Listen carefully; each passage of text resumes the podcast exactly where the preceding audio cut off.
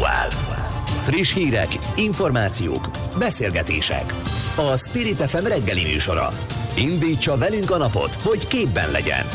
A mikrofonnál Lampi Ágnes. Jó reggelt kívánok, szeretettel köszöntöm Önöket. December 6-a van, méghozzá Miklós napja, azaz érkezik a Mikulás is, egyébként ide is megjött már a stúdióba. A szerkesztő Tóró Nikolát, mondom már is, hogy milyen témákkal készültünk ma reggel. Rövidesen Korós Lajossal, az MSP politikusával beszélgetek, nyugdíjakról, nyugdíjaszegénységről kérdezem majd. Aztán jön Arató Gergely, a DK politikusa, vele arról, hogy mit tartalmaz majd az ellenzék program programjában az úgynevezett civil fejezet. Itt lesz Ungár Péter, az LNP elnökségi tagja, vele a Covid gazdasági hatásait nézzük át. Aztán Mirkóczki Ádámmal is beszélgetek, Eger polgármesterével, vele arról lesz szó, hogy az egri lakosság szavazás keretében döntett arról, hogy tűzijátéka vagy lézersóval búcsúztatják-e az idejévet. Persze a járványhelyzetet is áttekintjük majd. Itt lesz Volner János, független országgyűlési képviselő, vele a Városháza ügyéről, illetve a kampányról is beszélgetünk, és szó lesz egy nagyon érdekes ifjúságról szóló kutatásról is, amely a fiatalok politikai, család és egyéb preferenciáit veszi sorra. Spirit FM 92.9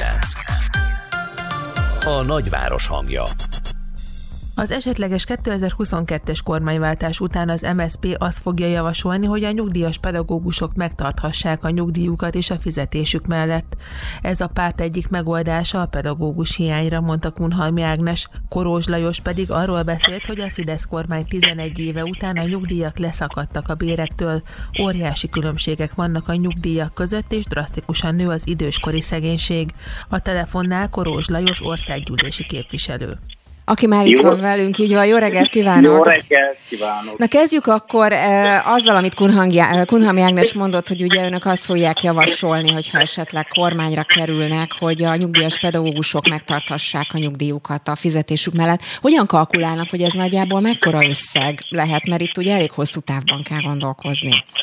Hát annak függvényében, hogy mennyien választják ezt a lehetőséget, hát itt borzasztó nagy a pedagógus hiány az országban, különösen a keleti ország részben, ahol szegényedő, elszegényedő falvak és mikrotérségek találhatók.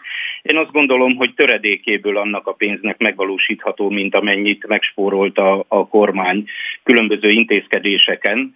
Csak megjegyzem, hogy ö, itt például 10-12 éve nem emelkedett a méltányossági nyugdíjkeret, nem emelkedett az egyszeri segélykeret, de ez mind a nyugdíjasokról beszélek csak, nem emelkedett a méltányosságból történő megállapítási keret, ezeken iszonyatos pénzeket spórolt a kormány. Vannak olyan számítások, amelyek azt mutatják, hogy a rokkantrendszer kivégzése óta, ez durván 10 év, körülbelül 500 milliárd forintot spórolt meg a nyugdíjkasszán, kvázi nyugdíjkasszán, mert már nincs nyugdíjkassa, mert ez egy költségvetési tétel, a kormány. Tehát itt nem az a kérdés, hogy mennyibe fog kerülni, meg honnan veszünk el, egyszerűen új elosztási és újraelosztási politikára van szükség. És Azért nem egy pillanatra a... hagyd térjek már vissza arra, hogy, hogy, hogy ki mekkora összeget kér és hogyan alakul. Bocsánat, csak egy technikai kérésem hogy legyen, mert ha esetleg ki vagyunk hangosítva, akkor tegye már meg, hogy leveszi, mert nagyon-nagyon sörgünk, zörgünk.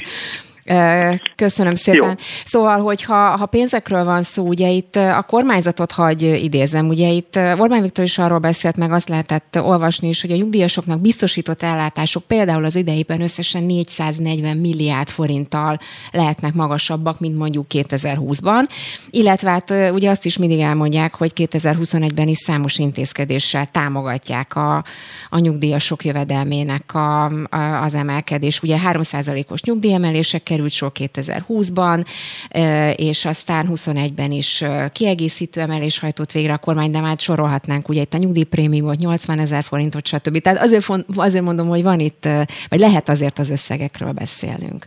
Lehet feltétlenül. Én annak örülök, hogy a kormány egyelőre betartja a jogszabályokat, mert ez nem az ő érdeme ezek az intézkedések. Egyszerűen törvények vannak arra, hogy például mikor kell nyugdíjprémiumot fizetni. Törvény van arra, hogyha az alultervezett, a radikálisan alultervezett infláció miatt évbeni kiegészítésre kell sort keríteni, akkor ezt a kormánynak meg kell lépni.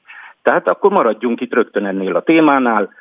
A múlt évben 2,7%-os volt a, a nyugdíjemelés mértéke, és lényegesen magasabb volt az infláció, ezért a múlt év novemberben ki kellett igazítani a nyugdíjakat. Az nyugdíjasok egy éven keresztül hiteleztek a kormánynak, és finanszírozták gyakorlatilag az államkasszát. Ebben az évben már az év közepén elszállt ez a költségvetési tétel, és kiigazították júliusban 0,6%-kal. Ezt egyébként én megmosolyogtam, mert Tudja, az, az a térség, ahol én élek, a délhevesi térségben, ott ilyen 70-80 ezer forintos nyugdíjból élnek az emberek, és ez 25 a lecsókolbásznak volt az ára.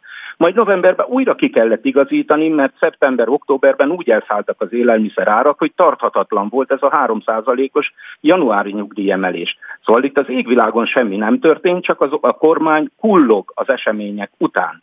Ebből adódóan akkor újra rávilágítok arra is, hogy elhibázott volt 2010-ben az az intézkedés, hogy kizárólag az infláció követő nyugdíjemelést hajtottak végre, és radikálisan leszakadtak a nyugdíjak a bérektől. Kérem szépen 2010-ben majdnem 75%-át érte az átlag nyugdíj a teljes munkaidőben foglalkoztatottak átlagkeresetének, mondom majdnem 75%-át. Ez a múlt évben lement 52,9%-ra, és majd itt január-februárban meglátjuk az ezévi statisztikákat, kérem szépen ez 50% alá fog becsúszni. Erről van itt nagy szó, és a kormány ennek érdekében az égvilágon semmit nem csinál, hogy ne szakadjon szét ilyen drasztikusan a társadalom. Hát amit és tudok még számtalan ilyen központi statisztikai hivatal által publikált adatokat sorolni annak alátámasztására, hogy például a nyugdíjas szegénység az elmúlt tíz évben, mióta ők kormányoznak, hogyan alakult 12 évben. Uh-huh. Azt akartam csak hozzátenni, ugye, ami most tulajdonképpen aktuális is, és hát nyilván kampányidőszakban vagyunk, azért ezt is tegyük hozzá, de ugye 2021 novemberében jön ez a bizonyos 80 ezer forintos nyugdíjprémium. Itt azt is ugye hozzáteszik, hogy plusz a 13. havi nyugdíj visszaépítése is, ugye ezt is, erről is beszéltünk már egyébként, és azt mondja a kormány, hogy lesznek például olyan nyugdíjasok, és itt egyébként a nyugdíjszegénységre utalnak, hogy akik mondjuk a korrekcióval együtt akár 100 ezer forintos prémiumot is kaphatnak. Ez azért jelentős segítség lehet talán. Egyszeri segítség, és a december elejei bevásárlással el is ment az összes pénz. Tehát itt a nyugdíjprémium tévedés ne essék, egyébként borzasztóan büszke vagyok rá, mert az egyik kidolgozója voltam annak idején a bajnai kormány idején ennek a programnak majd az elfogadását ösztönöztem az országgyűlésbe, és el is fogadta az országgyűlés 2009-ben, pont. A másik, hogy semmi köze nincs az Orbánéknak ehhez. Semmi az égvilágon. Tetszik tudni, kinek van köze hozzá? Annak a munkás embernek, aki pékként dolgozik mondjuk egy péküzembe, és 50-60 fokos melegbe dolgozik, mint egy 1200 forintos órabéré. Meg annak a hűtőházban dolgozó nagyrédei asszonynak, aki 1050 forintos órabéré dolgozik a mínuszokba meg annak a kamionosnak, aki járja Európa főutcáját, meg annak a pedagógusnak, aki áll a katedrán. Orbánnak az égvilágon semmi köze nincs ehhez. Ha gazdasági növekedés eléri a 3,5 százalékot, vagy azt meghaladja, akkor neki nyugdíjprémiumot kell fizetni. Ő csak a törvényt tartja be. Uh-huh. Még egy utolsó kérdés a végére, hogy ugye arról is beszélt Kunhalmi Ágnes, hogy meg hát ön is nagyon-nagyon régóta mondja, ugye Svájc indexálás, nyugdíjfelzárkóztatás. Ez egyébként az ellenzéki programnak is tekinthető? Tehát ezzel kapcsolatban mondjuk az összes párttal egyeztettek már? Csak az ellenzéki pártok mindegyike egyetért abban, hogy el kell szakadni a kizárólagos infláció követő nyugdíjemeléstől, annak érdekében, hogy ne hagyjuk leszakadni a nyugdíjakat a bérektől. A gazdasági növekedés eredményeiből részesülniük kell a nyugdíjasoknak. Éppen ezért a svájci indexálást, ha az Orbánék megtartották volna, akkor kapaszkodjanak meg. A mostani átlagos 150 ezer forintos, körülbelül 150 ezer forint forintos átlag nyugdíj helyett ma már 185 ezer forintnak kéne lenni az átlag nyugdíjnak.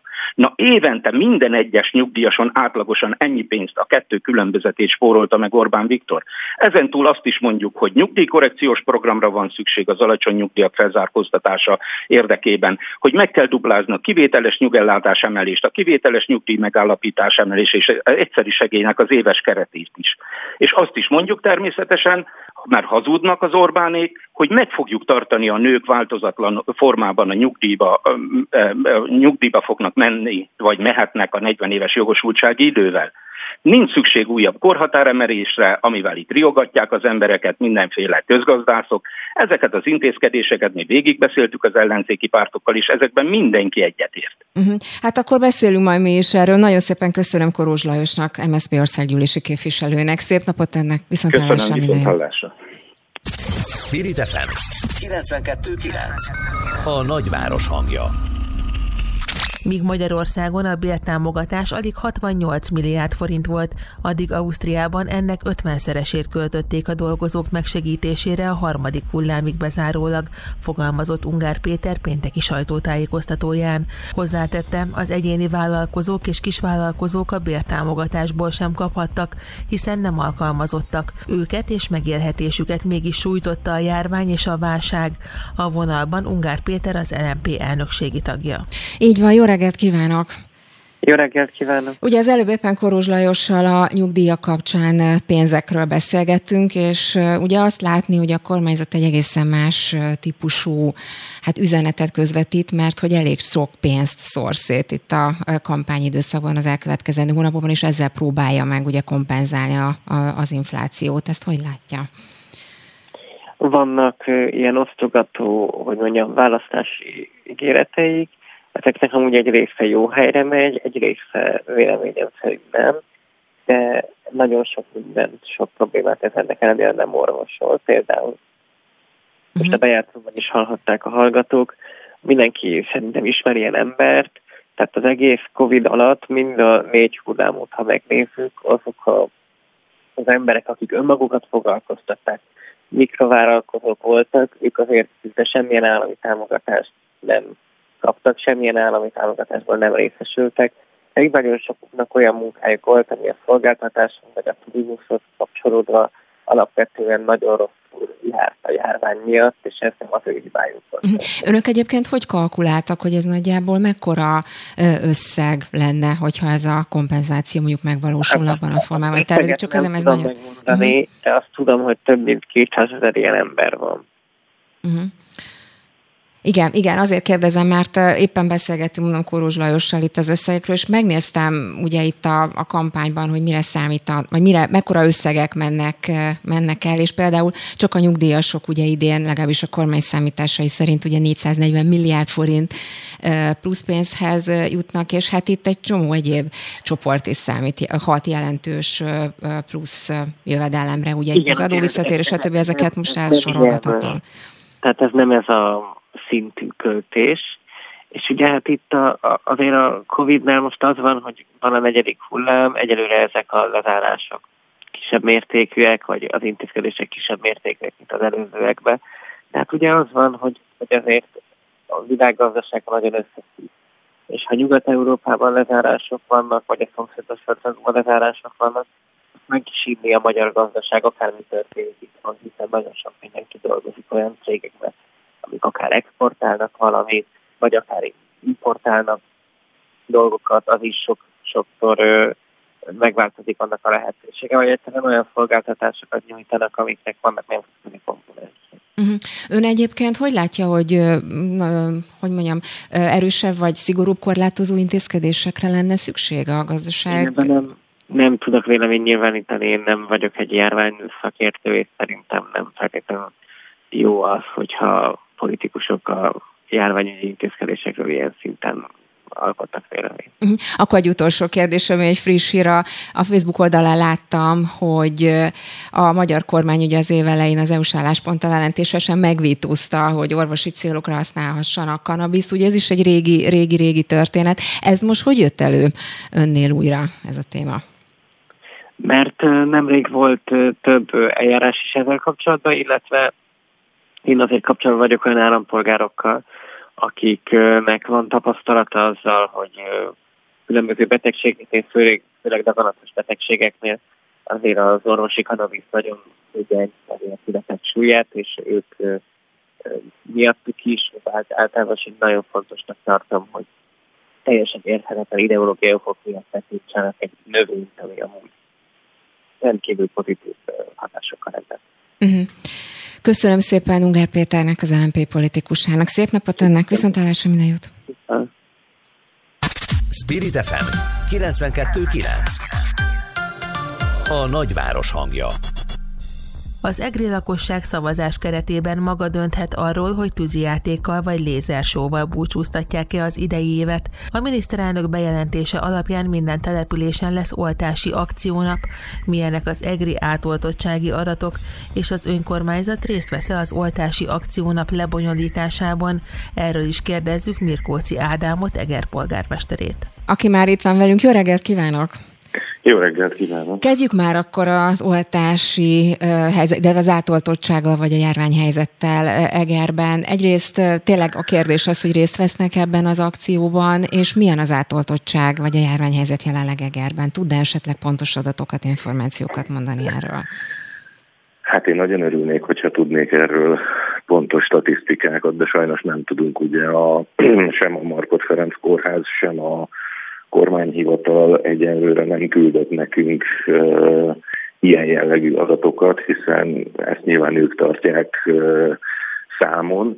Amiről én tudok, az nagyjából az EGRI önkormányzat, a polgármesteri hivatal, illetve a tulajdonunkban lévő intézmények, tehát óvodák, bölcsödék, kulturális intézmények, valamint a város cégeinek az átoltottsága. Itt, hogyha összátlagot veszek, akkor durván egy olyan 75 és 80 százalék közötti átoltottságról beszélünk. Hát én nagyon remélem, hogy legalább a városi adatok is hasonlóak. Amennyire én tudom, a saját magunk által vezetett cégeknél, intézményeknél azért az országos átlag fölött vagyunk. Amit mi tehetünk, nyilván az, hogy kicsit a szó jó értelmében propagáljuk, és hát biztatunk mindenkit, hogy vegye fel az oltást, és vegye komolyan a helyzetet. Én úgy látom, hogy azért több kevesebb sikerrel ez működik. Uh-huh. Uh, ugye elhangzott az előbb is a bejátszóban, hogy ugye Orbán Viktor bejelentett, hogy minden településen lesz ez a bizonyos oltási akciónap. Önök ezt megszervezik-e, ha igen, akkor hogyan? Vagy kapnak-e ez bármilyen segítséget? Ezt hogyan tudják megvalósítani?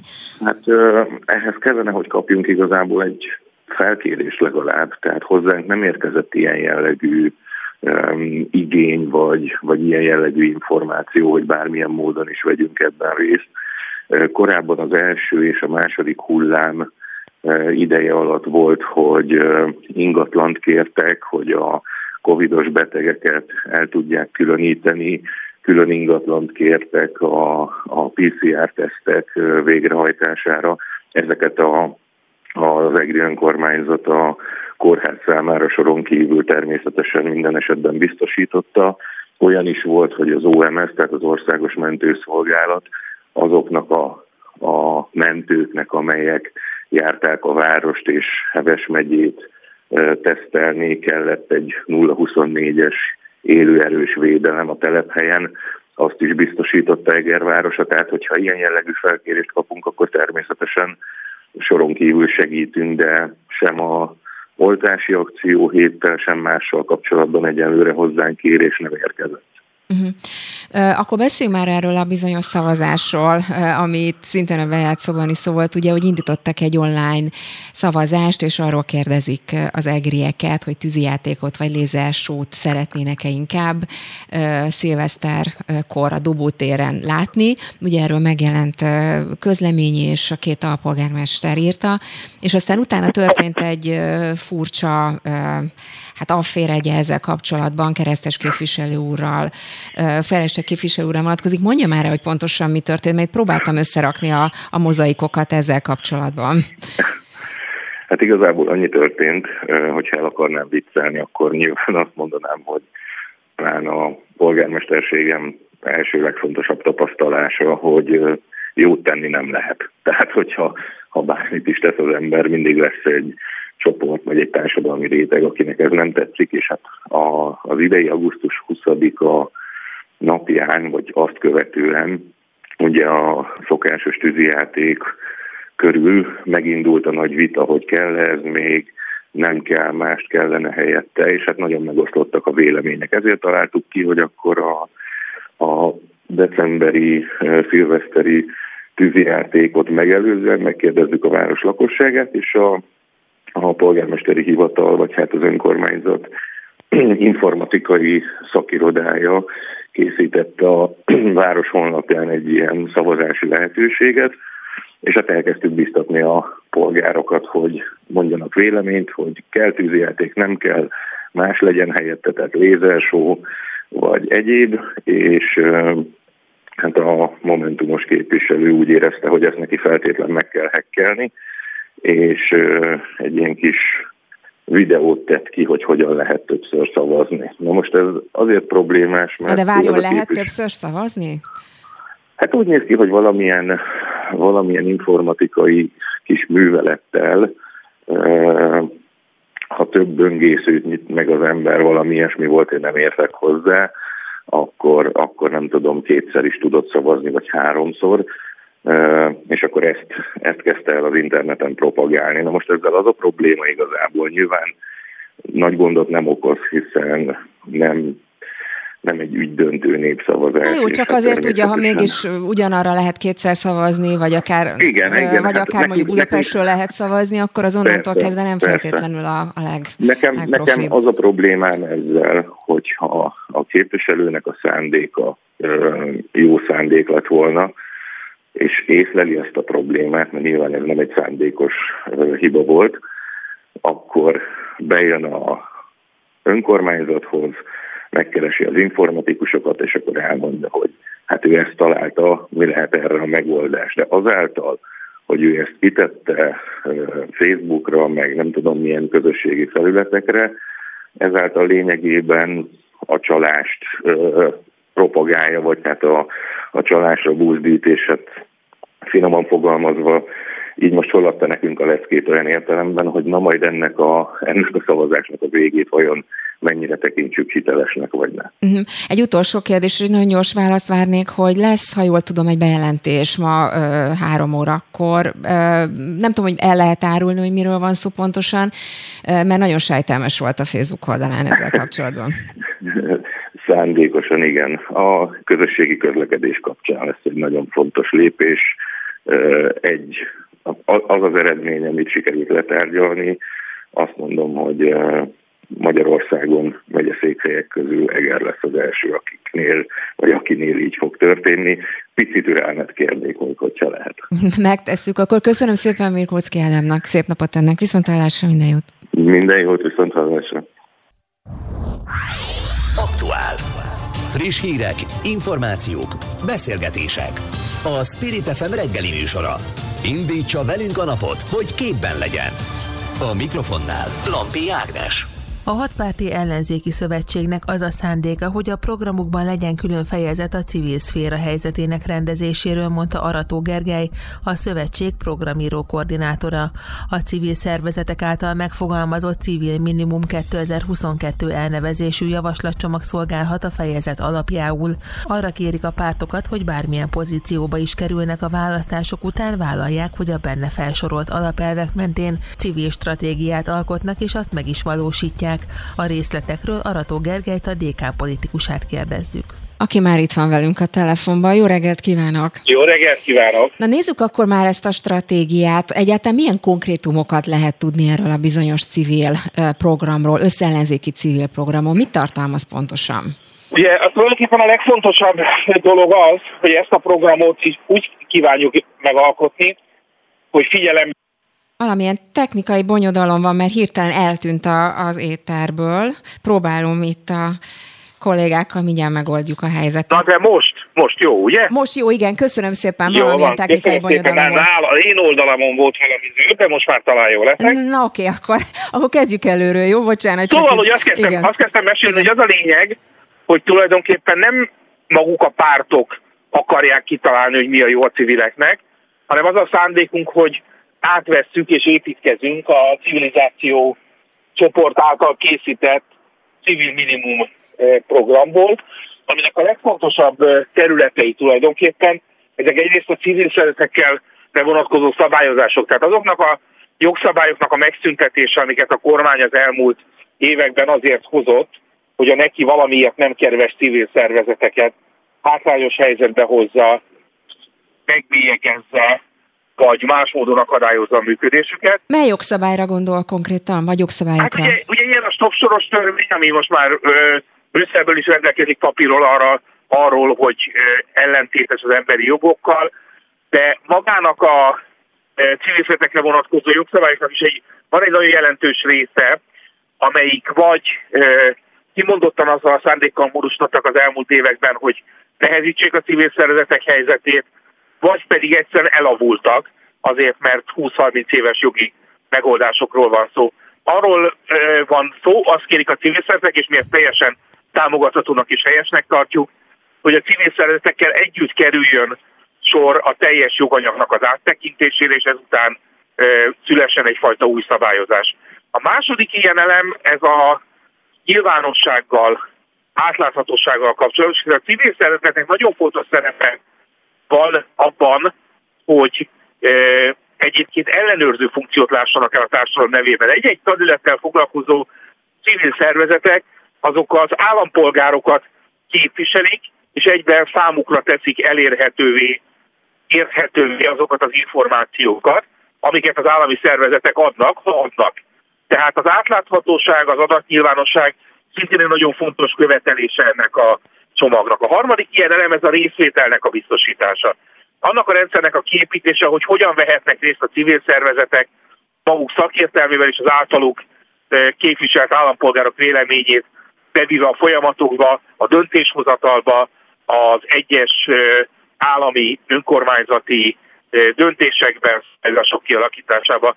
És az végül a negyedik elem pedig a finanszírozásra vonatkozik, annak az áttekintése, hogy hogyan lehet javítani az adományozási kedvet, hogyan lehet támogatni a magán és akár céges adományozást, és hozzáteszem, ehhez tartozik az a kérdés is, hogy hogyan lehet a médiában javítani a civil szervezetekről kialakított képet, és népszerűsíteni a társadalmi szerepvállalást. Tehát akkor, ha jól értem, ugye egyelőre ott tartanak ezek a tárgyalások, hogy a civil szervezetek részéről megfogalmazottak ezek az igények, és akkor most állnak neki, hogy ezeket egyeztessék? Ugye az a, igen, ugye az a helyzet, hogy a, a, egyébként ennek a programnak számos eleme megtalálható már a közös alapban, illetve az ellenzéki pártok által alkotott részletesebb programokban, de ö, elemekben, részletekben ö, szerepel csak a civil szféra egyenlősége, vagy az, az egyeztetéssel kapcsolatos elképzelések,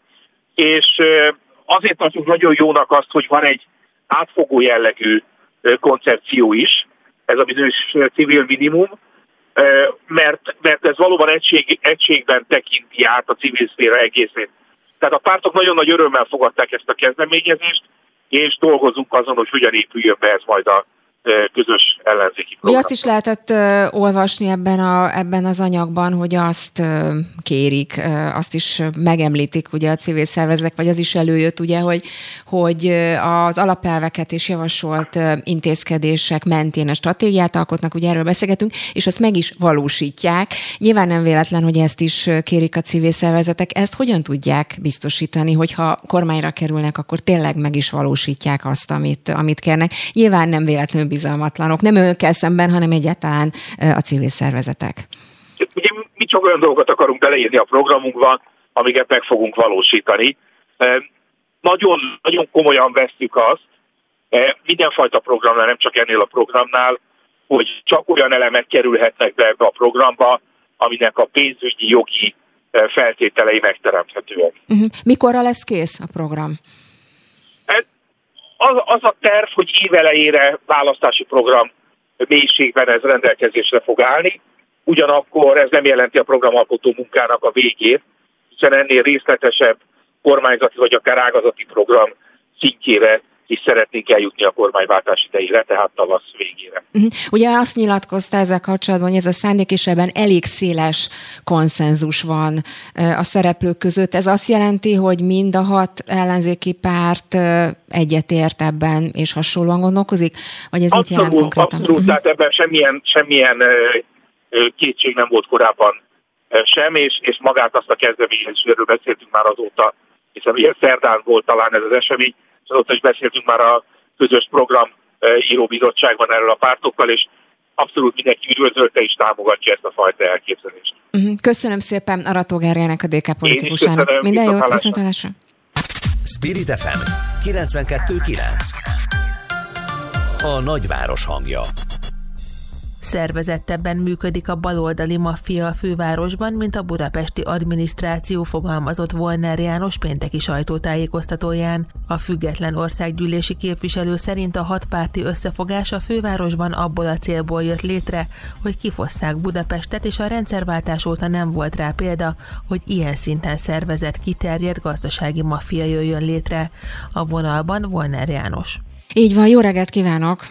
Kezdj csak, jó reggelt kívánok! Na kezdjük akkor, mert ez az egyik eh, olvasat, ugye, amit eh, elhangzott az ön részéről itt a bejátszóban is, illetve a sajtótájékoztatóban, meg már korábbi információk alapján is. Ugye ehhez képest Karácsony Gergelyék, illetve a főváros úgy fogalmaznak, hogy mindez amit itt hallottunk, vagy amit az előbb elhangzott, minden tényt nélkülöz, rágalmak leírása, nem újságírás, tehát erről szó nincs, és hogy kijelentette, hogy olyan személyek mondataira hivatkozva írnak cikkeket, vagy hangoznak el ilyen információk, amelyek nincsenek megalapozva, és nem igazolhatóak. Szóval ez a két narratíva van most a Városházával kapcsolatban.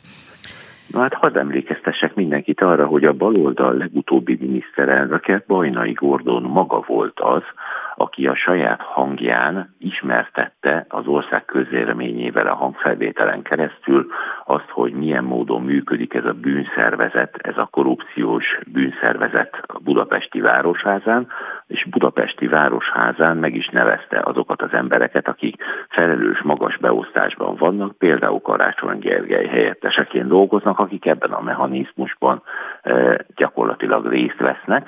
Ugye Bajnai Gordon, nem... bocsánat, csak elég sokszor, vagy több alkalommal is reagált ezekre, amit most ön mondott. Biztosan is látta a Facebook oldalára is, amit kiírt, hogy ezek összevágott felvételek, és ő készen áll például, hogy együttműködik a vizsgálóbizottsággal, ahogy ugye fogalmazott észszerű mértékben, ugye Városháza gétnek nevezi ezt, és, és azt mondja, hogy ezek mind-mind rágalmak.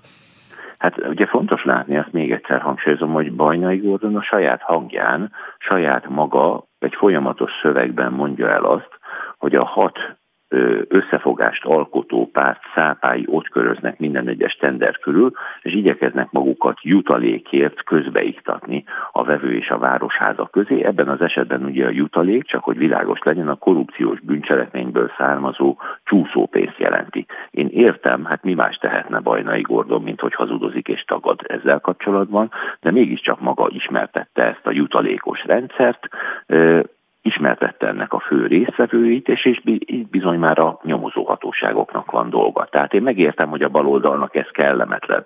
Megértem, hogy Karácsony Gergely vergődik, de itt mégiscsak arról van szó, hogy kiépült és megerősödött. De ön ezt biztosan tudja fogva. és állítja, hogy ez a rendszer, ez működik. Csak azért kérdezem, mert ugye itt a hangfelvételekről van szó. Az egyik fél azt állítja, hogy összevágott anyagokról beszélünk. Ugye Karácsony Gergely egyébként ő maga is számtalan szó sokszor cáfolta. Ugye ő azt mondta, hogy, hogy ezeket a felvételeket összevágták, cáfolta ezt a bizonyos jutalék rendszert, és ő például azt mondta, hogy az ő értelmezése szerint az ügy mögött fideszes támadás húzódik. Ugye azt mondta, hogy titkosszolgálati eszközökkel, orosz módszert használnak, hazug lejárató kampányt szerveznek. Tehát, hogy van ez, a, ez az olvasata is annak, amit, amit ön mond.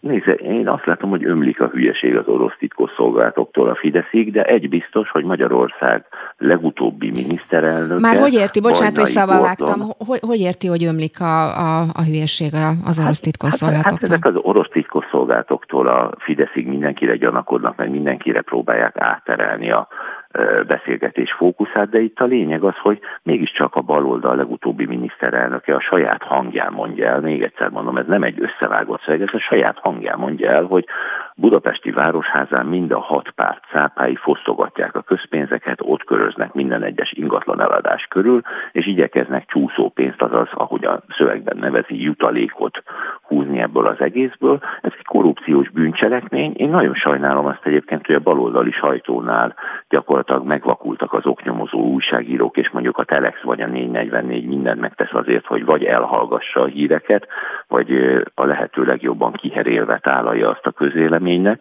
Én szerintem úgy korrekt, hogy azért, volna, én ezt úgy gondolom, hogy azért úgy korrekt ilyenkor, hogy, hogy Bajnai Gordon is hasonlót írt, és ő is például bűncselekménynek tartja azt, ami történt, mert hogy szerinte ezekről a megbeszélésekről törvénytelen titkosszolgálati eszközökkel felvételt készítettek, majd azokat szintén bűncselekményt megvalósítva manipulálták, később a sajtóban terítették, tehát ő meg azt mondja, hogy ez szerinte kétrendbeli bűncselekmény, és hogy egyetlen lehetőség van, hogy a, az illetékes szerveknek kell kideríteni azt, hogy mi is történt pontosan.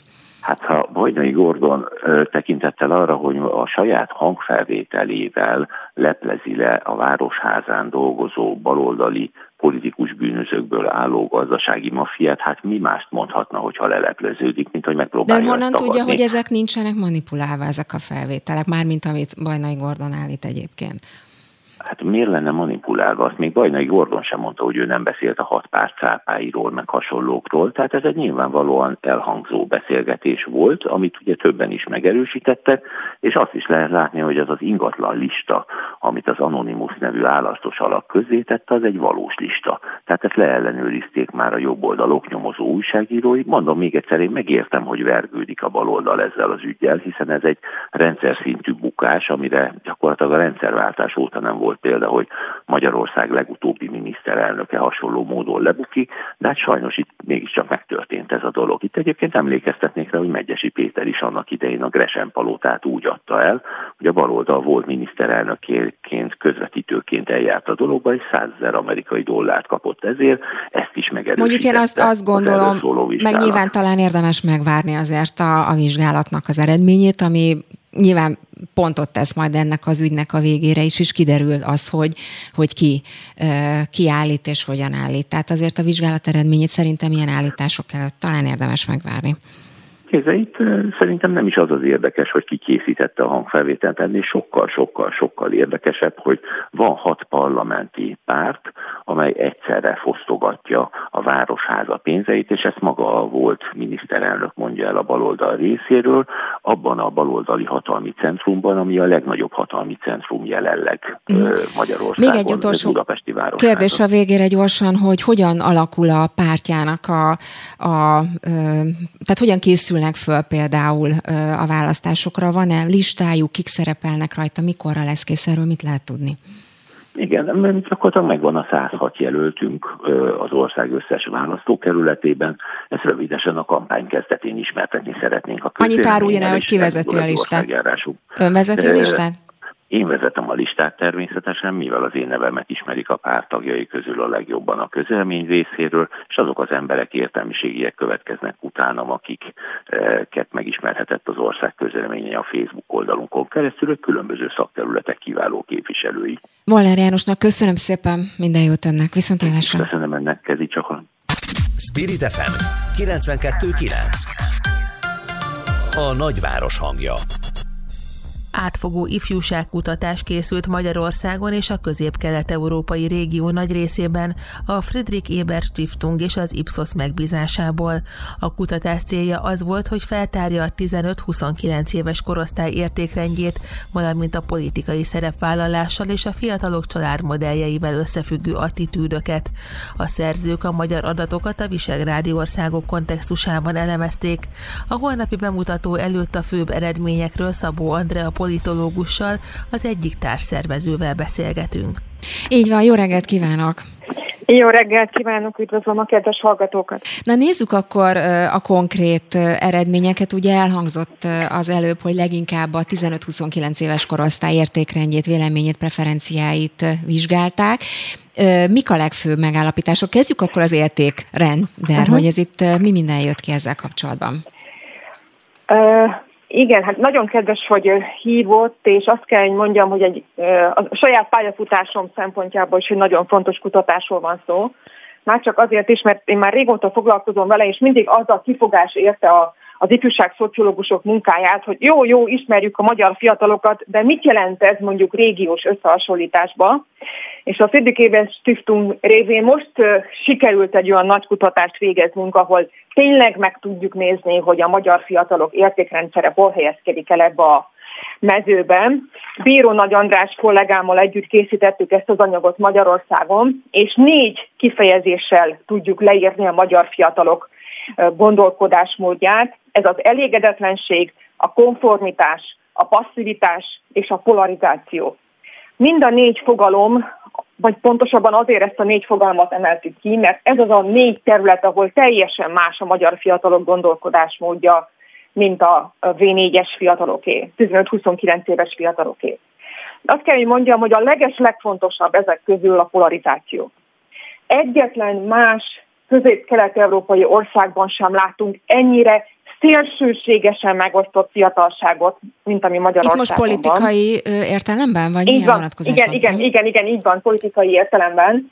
Tehát azt látjuk, hogy a magyar fiatalok valami más világban élnek akkor, hogyha ö, ellenzéki gondolkodásmódúak, és teljesen más világ, abszolút más világban élnek, hogyha kormánypárti gondolkodásmódúak, és minthogyha a kettő között nem lenne átjárás.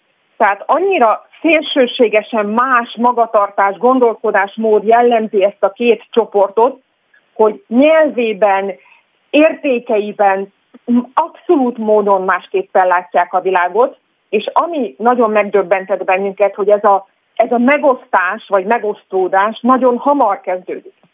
Tehát ugye mindig arról szoktunk beszélni, hogy van a politikai szocializációnak egy performatív időszaka, egy ilyen kiemelt időszaka, ami, ami hát mondjuk így az egyetemi időszakra vonatkozik, de most azt látjuk, hogy egyre lejjebb húzódik ez a bizonyos szélsőséges megosztottságnak a kezdete, vagy a, vagy a csírája, amely uh, szerintem bizonyos értelmében a, a politikának egy tudatos uh, magatartásának az eredménye. Egyébként én láttam korábbi kutatásokat erre, mármint a fiatalok politikai szemléletével kapcsolatban, mint a társadalomkutató készítette el ugye ezeket a kutatásokat, és ott a fő, tehát a fő eredmény talán az volt, hogy elég jóckodnak a fiatalok egyébként a párt csatározásoktól, tehát hogy a pártpolitika, mármint ez az értelme vett pártpolitika eléggé taszítja őket, sokkal inkább közösségi ügyekbe lehet őket bevonni, vagy abban, abban talán aktívabbak. Igen, ismerem ezt a kutatást, sőt, hát nem titok, hogy én magam is részt vettem benne. Igen. Ezek négy évente elkészített nagy mintás ifjúság szociológiai vizsgálatok, amit a Magyar Állam, illetve hát az Európai Unió finanszírozták. Ez egy nagyon fontos kutatás, amiről beszélt, és igaza van.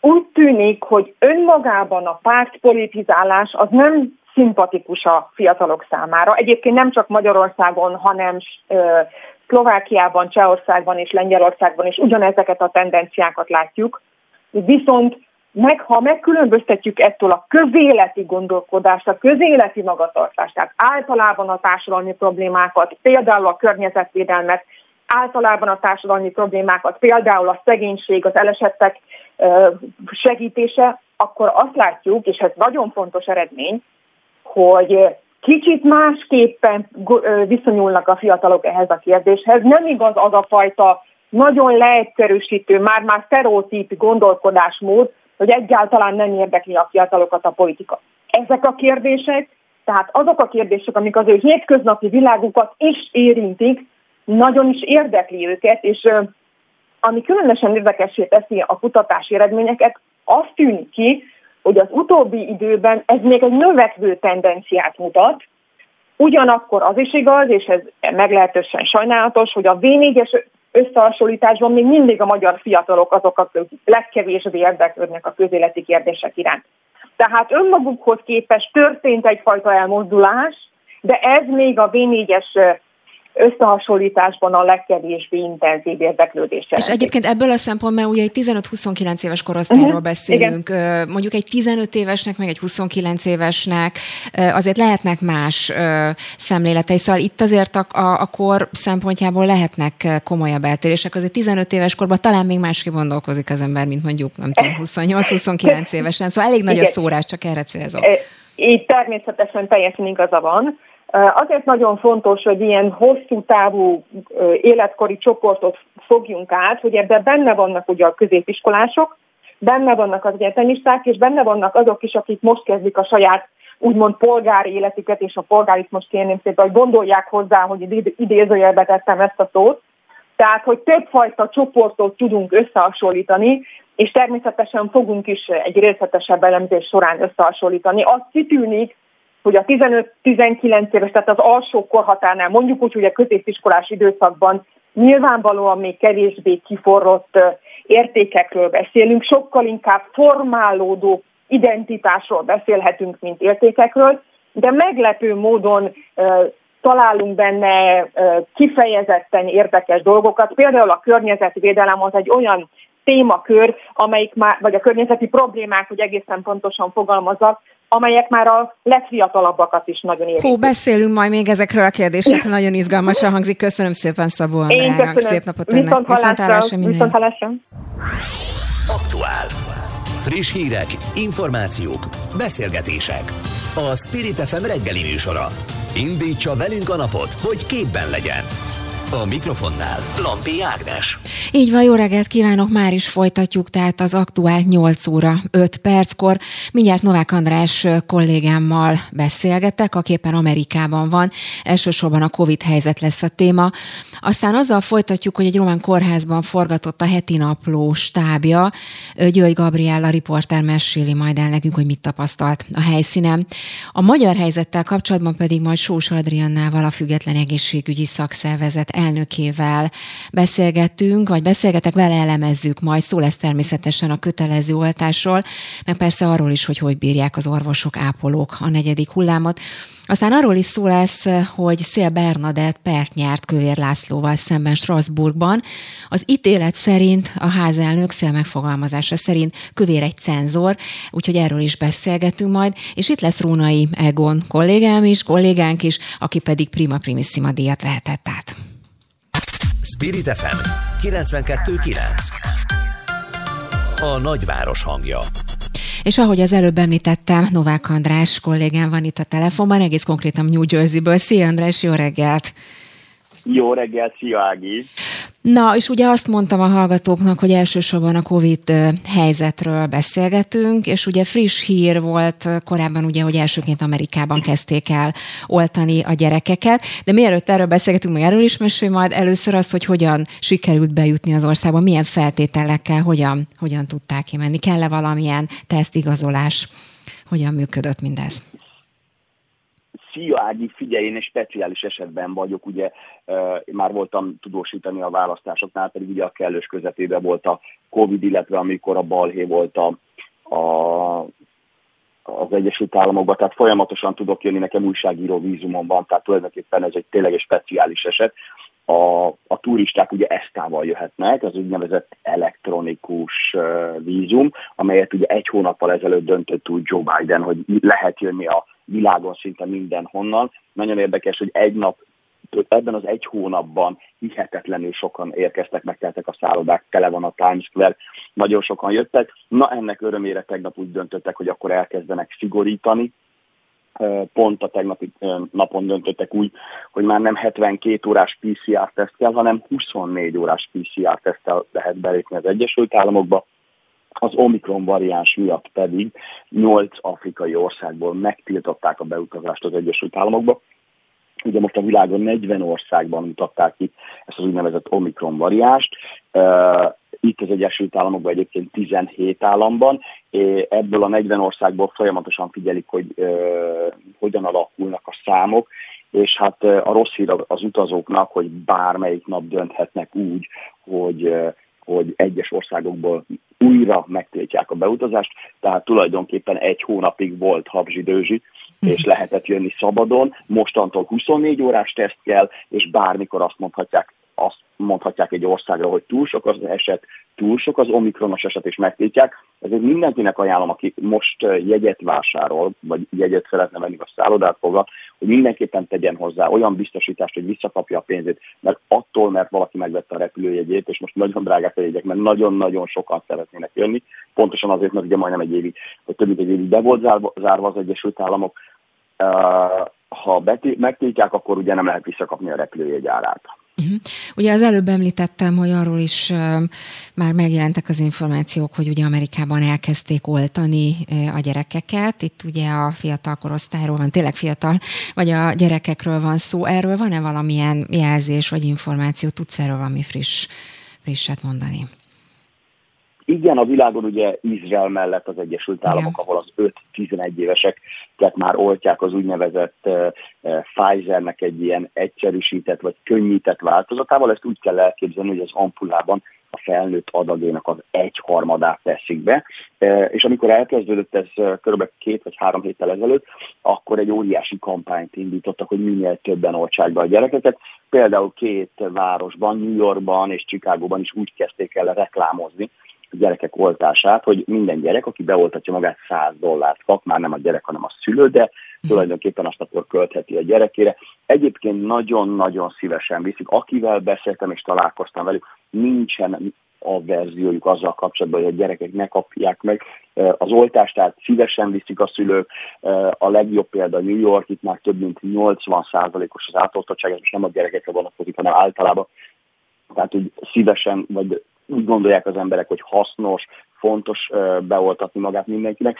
Szóval egyelőre ez a kampány megy, folyamatosan reklámoznak rádióban, szinte minden tévécsatornán óránként elmondják, hogy menjenek oltani az emberek, nagyon könnyű elmegy az ember a patikába, és tulajdonképpen 5 perc múlva kitölti a papírokat, 5 perc múlva megkapja az oltást. Ugye most már a harmadik oltásról beszélünk, például a Pfizer esetében. Szóval nagy a, a, a kedv, de hát még mindig nem elég, hiszen rengeteg az eset most is, tehát napi szinten több mint 90 ezer új esetet uh, mutatnak ki. Azt kell, hogy mondjam, hogy július, augusztus óta folyamatosan emelkedő számok vannak az Egyesült Államokban. Uh, gyorsan mondom az adatokat, teljesen megdöbbentő. Uh, pár ezer hiány 50 millió covidos van az Egyesült Államokban, és eddig több mint 800 ezeren haltak meg. Uh-huh. Nagyon érdekes, hogy bár vizsgálják az Omikron variást, a, a, az esetek 99,9%-a az a delta variáns. Uh-huh. Hogy, hogyan fogadják egyébként az emberek a, a korlátozó intézkedéseket, a, a maszkozással, hogy állnak, tudják-e tartani a távolságot? Szóval mit tapasztalsz mondjuk így az utcákon, vagy akár a beltéren? Uh, nagyon érdekes, egy kicsit más a stílus, mint Európában.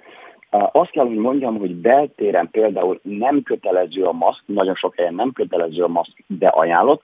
Tehát mondjuk egy példát a foci meccseken nem kell maszkot viselni, ennek ellenére nagyon sokan hordják. Az üzletekben, a bevásárló központokban nem kell a maszk, de ajánlott, és képzeld el számomra is meg, hogy az emberek 90%-a hord maszkot. Ugye, mivel otthon is kötelező, nekem is automatikusan ott van a zsebembe, vagy beteszem a nadrág zsebébe, és lépek be, akkor veszem fel, mert ugye most az elmúlt időszakban otthon ez volt a szabály, és, és képzeld el, hogy, hogy az embereken van, és amikor egyszer-kétszer elfelejtettem, akkor nem szólnak érte, tehát nem probléma. Ennek ellenére azt gondolja mindenki, és ezt azt mondom, őszintén mondhatom, hogy felelősséggel tartozunk egymás iránt, szívesen hordják a maszkot. Egyelőre még nincsen szigorítás, független attól, hogy a napi esetek száma mondom folyamatosan emelkedik, és nagyon-nagyon kérnek mindenkit, hogy figyeljenek oda. Tegnap a tegnap előtti hír, vezető hír volt, hogy egy család két gyereket úgy engedett iskolába, hogy covidosak voltak.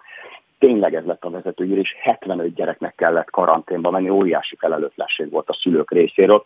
Mindenki erről beszél, hogy hogy tehették ezt meg, hát egy egész iskolát uh-huh. veszélyeztettek, és mondom 75 gyereket karanténba zárni egy két buta szülői döntés miatt, hát ez, ez itt óriási felháborodást keltett. Uh-huh. Novák Andrásnak köszönöm szépen a beszámolót, meg a friss információkat. Szia, és szép napot neked! Szia, Szia köszönöm, köszönöm szépen, Szia. hello, hello! Spirit FM 92.9 A nagyváros hangja a heti napló riportere György Gabriella bejutott egy Covid osztályra Romániában. Riportot forgatott a kórházban, ahol pár hete még annyi koronavírus fertőzöttet ápoltak, hogy a folyosón is betegágyak sorakoztak. Mindez abban az országban, ahol az egyik legalacsonyabb az átoltottság az Unióban. Itt mitől javulnak a mutatók, mit látott, hogy sikerült bejutniuk, és mennyire volt megterhelő lelkileg. Erről is kérdezzük György Gabriellát. Így van, már itt van velünk a telefonban. Jó reggelt, szia Gabi! Jó reggelt, Ági, köszöntöm a Spirit FM hallgatóit. Hú, hát nagyon sok kérdés elhangzott már itt a bejátszóban is, szóval mesélj, mit tapasztaltál? Mit, mit láttál? Milyen volt? Hát nagyon, nagyon megrázó volt az egész látogatás. Igazából szerencsére most már javulnak a járványügyi mutatók Romániában, tehát ahhoz képest, ami október közepe vége felé volt, eh, ahhoz képest jobb állapotok mutatkoztak, tehát eh, azt lehet mondani, az Aradi Covid kórházban jártunk, és ott még akár volt olyan korterem, ahol volt üres ágy is. Ez mondjuk nem volt elmondható október vége felé, ahol amikor gyakorlatilag 50-60 beteg várt arra, hogy ellássák, a sürgősségi osztályon sorakoztak, és ahogy fel, megürült egy darab ágy, azonnal befektették a Covid osztályra, de 50-60 ember csak arra várt, hogy egyáltalán ágyat kapjon. Mm. Úgyhogy így jutott el az ország abba a helyzetbe, hogy nemzetközi segítségért kellett folyamodni. Tehát ez nem csak az Aradi kórházra volt jellemző, hanem Romániában több kórházra is, és hát Magyarország is segített, és tulajdonképpen így 50 beteget Szegedre, illetve Debrecenbe is vittek.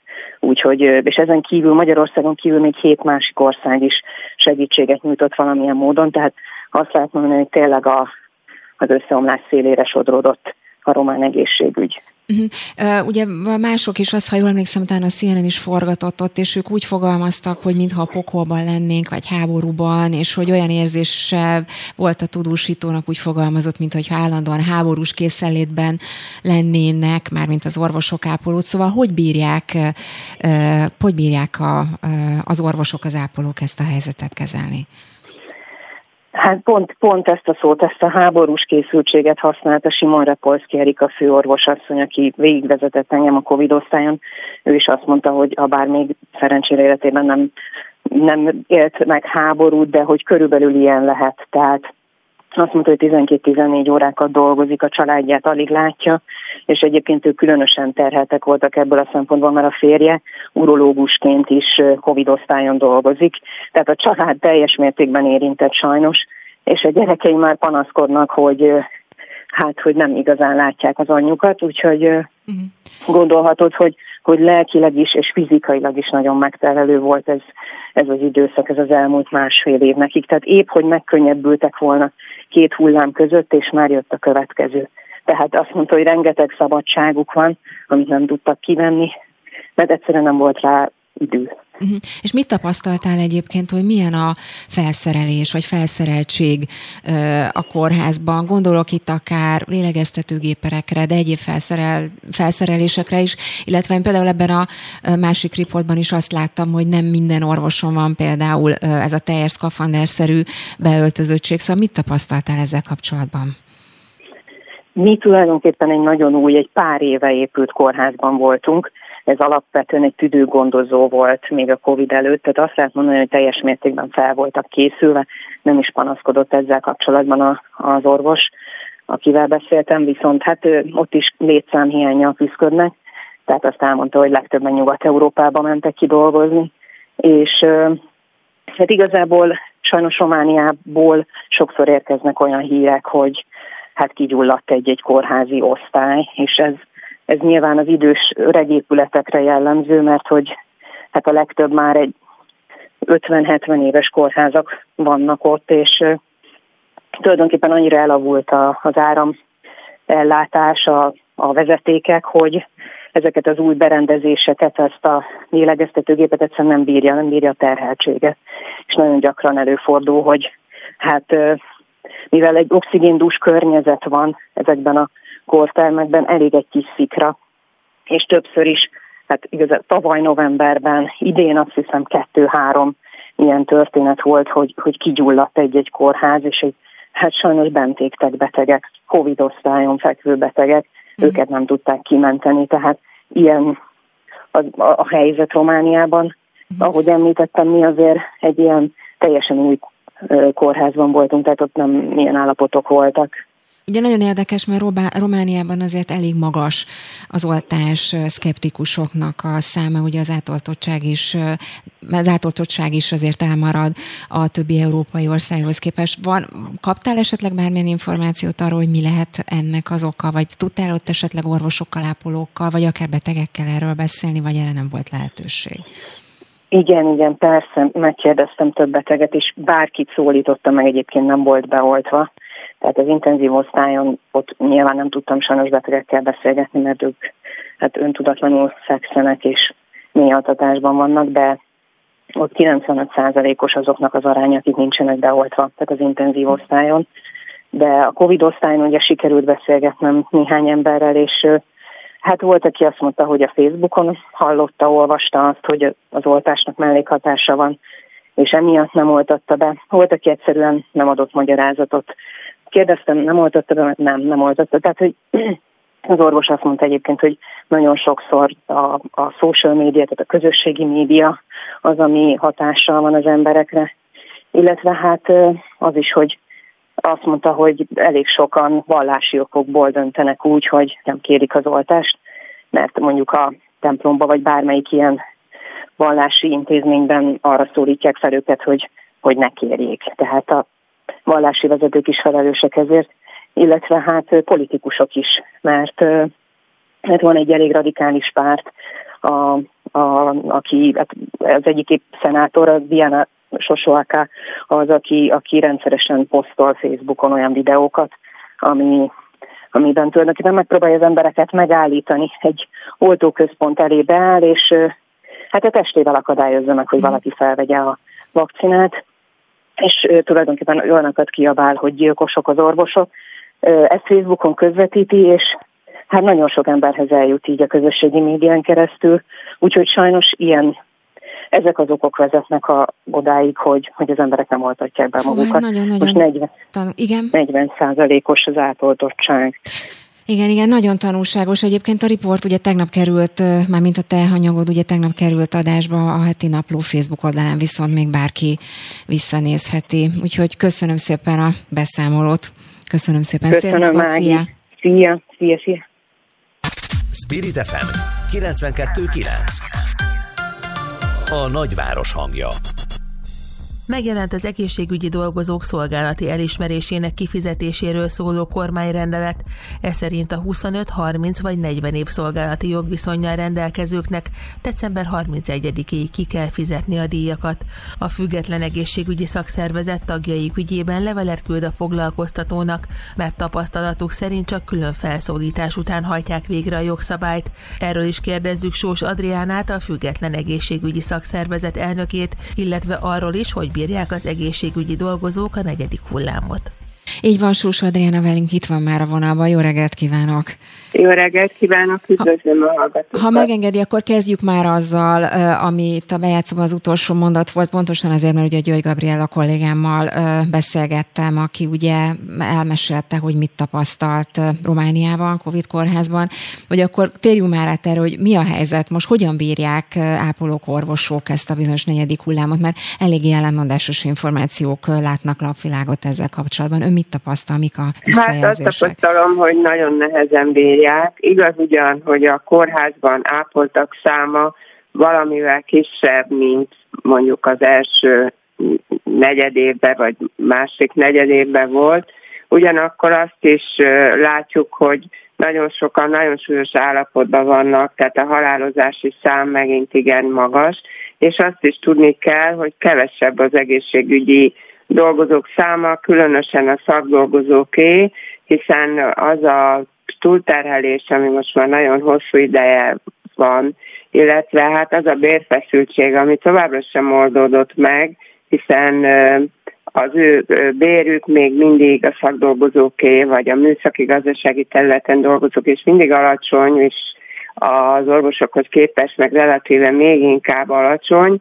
Ez továbbra is komoly feszültséget jelent a dolgozók körében, és hát emiatt is a kötelező oltásokkal kapcsolatos ellentmondások miatt is elég sokan elmentek. Tehát azt néztem, hogy kétszer annyian állnak most a, a munkanélküli ellátásban, vagy kétszer annyian keresnek állást azok közül, akik az egészségügyben mentek el, mint a múlt évben és hát emiatt... Tehát akkor ez ennek az oka tulajdonképpen egyrészt, majd beszélünk már mindjárt akkor a kötelező oltásról, de ez az egyik oka, illetve a túlterhelés, meg a pénz, mert ugye ez a hár, ezt a három okot említette. Így van, tehát a leg, legnagyobb ok a pénz, ez több felmérésünk igazolja, hogy alacsonyak a bérek, ahhoz képest, a munkához képest, és ahhoz képest a terme, terheléshez képest, amit be, itt ezek az emberek dolgoznak, és csak akkor több, hogyha nagyon sokat dolgoznak, és akkor eljutunk a másodikokhoz, a,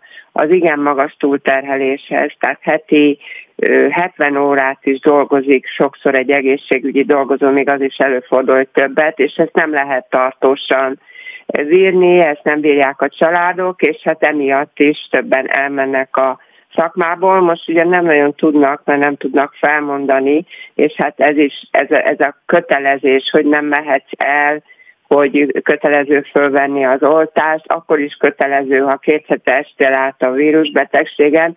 Tehát ezek mind azért elég nehezen viselhetővé teszik az emberek számára a sok túlmunka mellett, a szkafanderbe végzett, igen, kényelmetlenül végezhető munka mellett az itteni helytállást. Mhm, beszéljünk akkor egy picit a kötelező ö, oltásról. Ugye az Alkotmánybíróság ugye elutasította itt a, ö, az egészségügyi dolgozó kötelező oltását előírő kormányrendet elleni ugye alkotmány jogi panaszokat. Ennek milyen visszajelzése volt, és hát főleg az indoklásnak, ugye, mert itt például a Horváth Ildikó ugye ezzel kapcsolatban azt mondta, hogy mármint az előírt oltási kötelezettséggel kapcsolatban, hogy ugye az egészségügyi dolgozók nyilván fokozottan ki vannak téve a fertőzés veszélyének, és ami egyúttal forrása nyilván a, a vírus terjedésének is, tehát hogy ez az indok, és ezért az Alkotmánybíróság is ugye elutasította a panaszokat. Szóval ennek mi a, mi a vissza, vagy hogy, hogy hát, hatott ez? Ugye van egy kör a, a dolgozók köréből, aki, aki nem volt hajlandó beoltatni magát, azoknak a, a jobb viszonyát fel is mondták, ugye közülük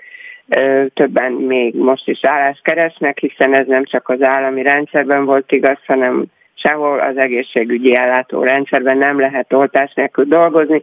Mi ezzel teljes mértékben egyet is értünk a betegek érdekében és a dolgozók érdekében is, hiszen nagyon sokan megbetegedtek korábban, ők maguk is, és elég sokan sajnos nem is érték túl ezt a súlyos betegséget, és mivel most ugye megint már lejárt náluk is sok esetben az oltás ideje, ez aktuálisá tette a harmadik oltás, megint látjuk, hogy elég sok a a dolgozók között is a megbetegedés, ami továbbra is ugye azt is jelenti, hogy, hogy sokan kiesnek emiatt is a munkából.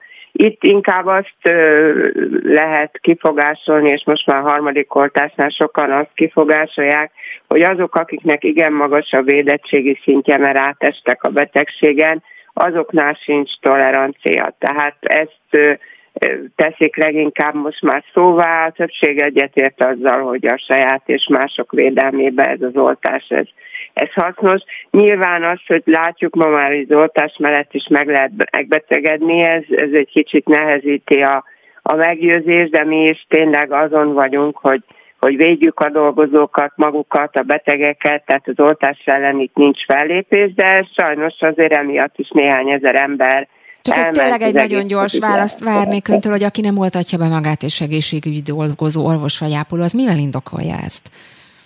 Hát félnek leg, leggyakrabban a mellékhatásoktól félnek, ez a leggyakoribb ok. És hát itt is terjednek néha furcsa nézetek, de a leg, leggyakrabban inkább a mellékhatásoktól félnek. Ebben kellene nagyobb meggyőzés, hogy uh, itt a kockázat azért, ha nem is teljesen kizárható, de sokkal alacsonyabb, mint a megbetegedés esetén. Sós Adriánának köszönöm szépen, hogy mindezt elmondta. Szép napot ennek. Viszontlátásra minden jót. Köszönöm, viszontlátásra. Aktuál. Friss hírek, információk, beszélgetések. A Spirit FM reggeli műsora. Indítsa velünk a napot, hogy képben legyen. A mikrofonnál Lampi Ágnes. Tudatosan készülnek a térre a magyar autósok, a legtöbben a gumicserével és a téli szélvédő mosó feltöltésével kezdik, ugyanakkor a megkérdezettek közel fele csak akkor foglalkozik a teendőkkel, amikor az első hidegeket jelzik a meteorológusok, derül ki a MOL reprezentatív kutatásából. Mit tehetünk a biztonságos közlekedésért? Erről is kérdezzük Orosz Andrást, a MOL kiskereskedelmi vezetőjét. Orosz András pedig már itt van velünk a telefonban. Jó reggelt kívánok! Jó reggelt kívánok! Ugye elhangzott az előbb az, hogy tudatosan készülnek a térre a magyar autósok. Ezt boncolgassuk már egy kicsit, szóval mennyire vagyunk mi tényleg tudatosok? Ugye elhangzott, hogy miut egyáltalán eszünk be, legfeljebb a, a téli gumira figyelünk oda, de miközben egy csomó minden egyébre is kéne még. Szóval mennyire vagyunk mi tudatosak? Hogyan készülünk a térre? Szerintem a helyzet mostanában azért lényegesen jobb, mint akár 5-10 évvel ezelőtt. Egyrésztről nyilvánvaló az, hogy, hogy nem nagyon szeretnénk télen letenni az autót. Tehát 79% az embereknek ugyanannyit használja a személygépkocsiját télen, mint, mint nyáron. Talán a téli gumi volt az első fecske ebben, ami, amiben a legnagyobbat léptünk, de az, hogy, hogy a szélvédőmosót feltöltjük, az, hogy, hogy bekészítünk, hát most hétvégén esett az első hó, tehát mindenki észbe kapott, hogy, hogy van-e valami kefe, vagy valamilyen eszköz, hogy le lehet takarítani a, a szélvédőt, hogyha indulunk.